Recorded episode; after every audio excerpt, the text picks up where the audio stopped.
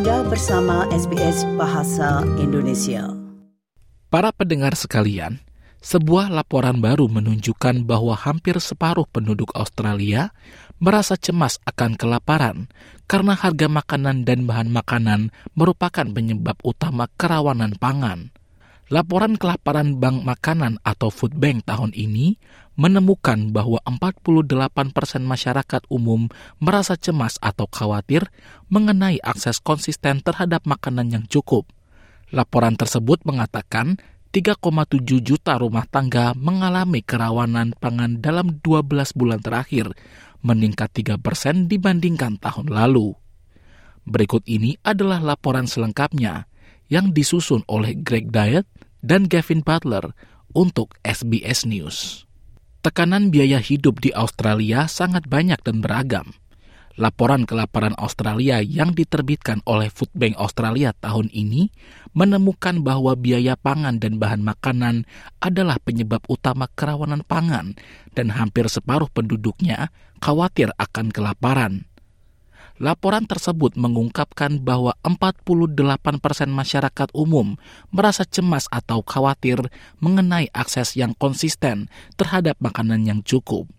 Kerawanan pangan terjadi ketika seseorang tidak memiliki akses teratur terhadap makanan yang cukup aman dan bergizi untuk pertumbuhan dan perkembangan normal serta kehidupan yang aktif dan sehat.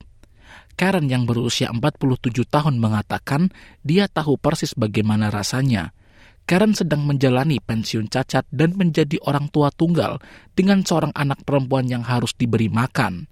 Dia mengatakan dia dan anaknya harus melakukan banyak pengorbanan untuk bertahan hidup, termasuk tidak mampu membiayai kegiatan olahraga di luar sekolah seperti berenang. Karen mengatakan dia harus membuat prioritas setiap dua minggu untuk membayar tagihannya. We don't get like sweets, we get basically, you know, bread, milk, um, the things for, you know, meals that you have like at lunch and dinner and that, um, rarely snacks and things and that anymore. Um, we don't go out for junk food. We go once a fortnight if we're lucky, and that's only after everything else has been paid. Um, and, and then in saying that as well, then there's bills and things that don't get paid. They have to get put off to the next fortnight. Food Bank Australia mengatakan 3,7 juta rumah tangga mengalami kerawanan pangan dalam 12 bulan terakhir, meningkat 3 persen dibanding tahun lalu. Kepala Eksekutif Brianna Casey mengatakan, krisis biaya hidup saat ini begitu parah sehingga memiliki pekerjaan tidak lagi menjamin kita terhindar dari kelaparan. We know that we are seeing people who are younger. We know we are seeing people who are employed.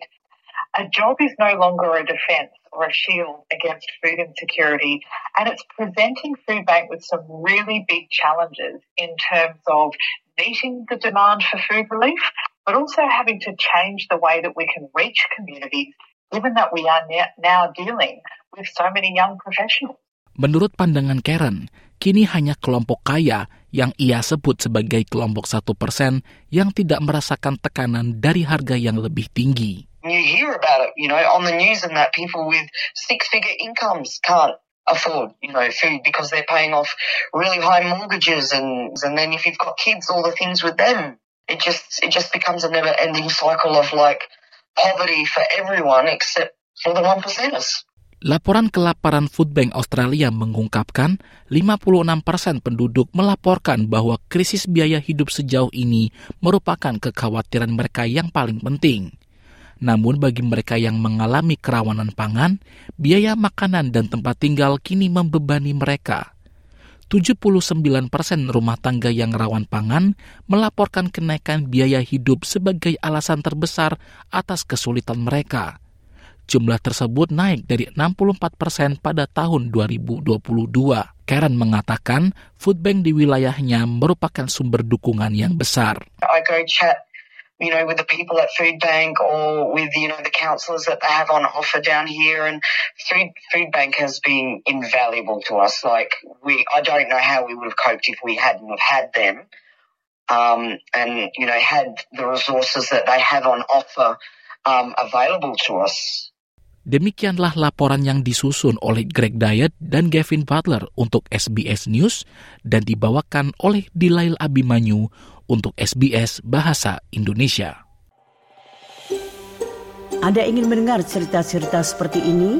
Dengarkan di Apple Podcast, Google Podcast, Spotify, atau di mana pun Anda mendapatkan podcast Anda.